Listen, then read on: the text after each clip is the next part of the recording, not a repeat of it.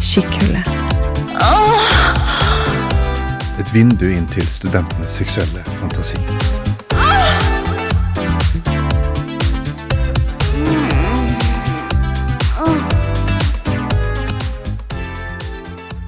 Dette er et Radio Revolt-produkt. Episoden er skrevet av en anonym innsender. Den er lest og produsert av Synne Høyås. Mile High.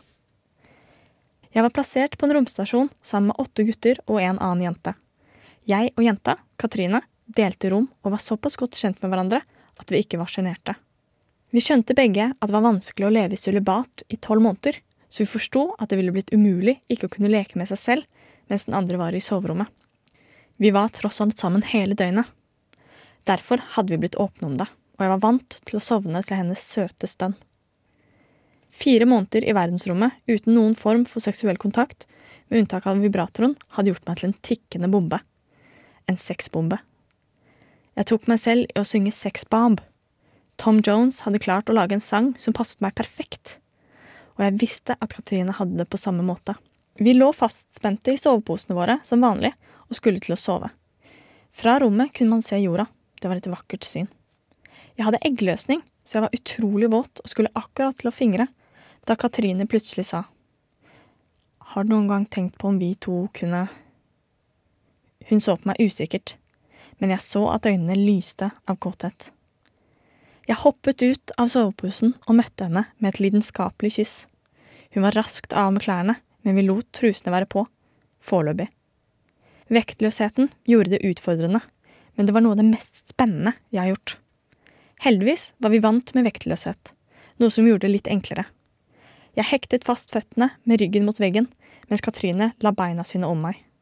Hun strøk meg sakte over halsen og gikk forsiktig videre til brystene mine. Jeg knøt meg da hun passerte brystvorten. Hun så jeg likte det, og fortsatte litt røffere. Hun knadde, småkløp og sugde. Jeg holdt på å miste grepet om veggen jeg hadde med føttene. Det var vanskelig å konsentrere seg når man fikk en slik behandling. Kinnene mine blusset opp, og pusten ble tung. Skulle trodd jeg hadde astma. Jeg holdt rundt henne. Rumpa hennes var deilig myk, og hun reagerte med å skyve rumpa ut for at jeg skulle komme bedre til da jeg grabbet henne. Hendene mine fulgte lydig hennes ønsker, og de utforsket underlivet bakfra. Hun gispet lett, men stoppet ikke å klå på meg. Plutselig ble det håndleddene mine som fikk fokuset hennes. Måten hun kysset og småbød meg der, var utrolig.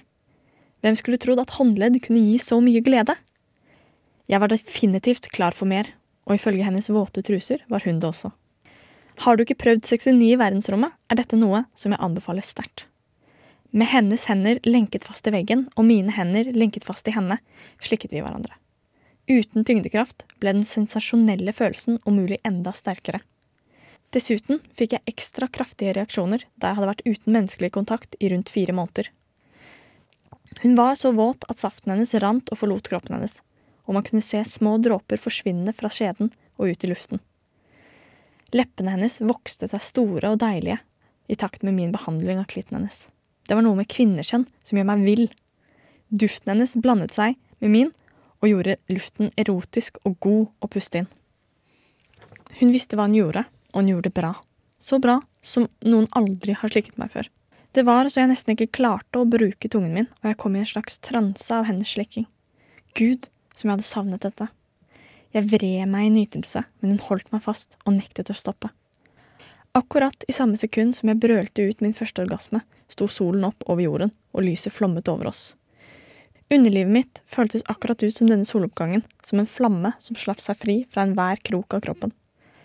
Trass i mine orgasmespasmer klamret hun seg til meg og fortsatte mens hun fingret meg samtidig. Dette utløste enda en orgasme som føltes bedre enn himmelen. Stønnene mine gjallet i rommet, og jeg klarte ikke å styre meg. Det kjentes ut som hun ikke hadde gjort annet enn å tilfredsstille jenter i livet. Jeg ba henne holde seg fast mens jeg stupte gjennom luften og hentet vibratoren min fra skapet mitt. Katrine lyste opp da hun så den. Hun la seg vannrett med magen opp og holdt seg fast i veggen med hendene som lå over hodet. Jeg festet beina mine i den andre veggen med magen ned og la hodet mellom beina hennes. Hun var så dyvåt og åpen at vibratoren gled nokså problemfritt inn. Jeg lot den ligge i åpningen litt før jeg skrudde på vibratoren, og hun skvatt til i forfjampelse. Den gled lett inn og ut, samtidig som jeg brukte tunga som aldri før. Det skulle ikke så mye til før hun kom, og det var en av de kraftigste orgasmene jeg hadde sett. Dette resulterte i at hun slapp taket, og vi fløy i luften mens hun skrek ut i vellyst. Dørene kunne umulig være så lydtette at ingen hørte oss, men akkurat der og da brydde vi oss ikke om det. Vi var bare opptatt av å slukke sulten i oss. Hun var så deilig. Og nå kan vi i hvert fall si at jeg definitivt er med i Mile High-klubben. Både Katrine og jeg ble stamkunder i denne klubben de siste månedene i rommet. Du har hørt en podkast fra Radio Revolt. Hør flere ukentlige podkaster, f.eks. Har du hørt om det kuleste programmet? Imensista! Heng med oss hver onsdag fra 19 til 20 her på Radio Revolt. Jeg må ha noe varmt på tunga etter jeg har hatt noe kaldt på tunga. Winka, winka. Vi har toalettpapir i løsvekt.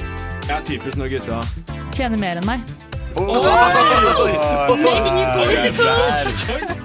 Orgasmer. Hver onsdag klokka 19. Snakkes!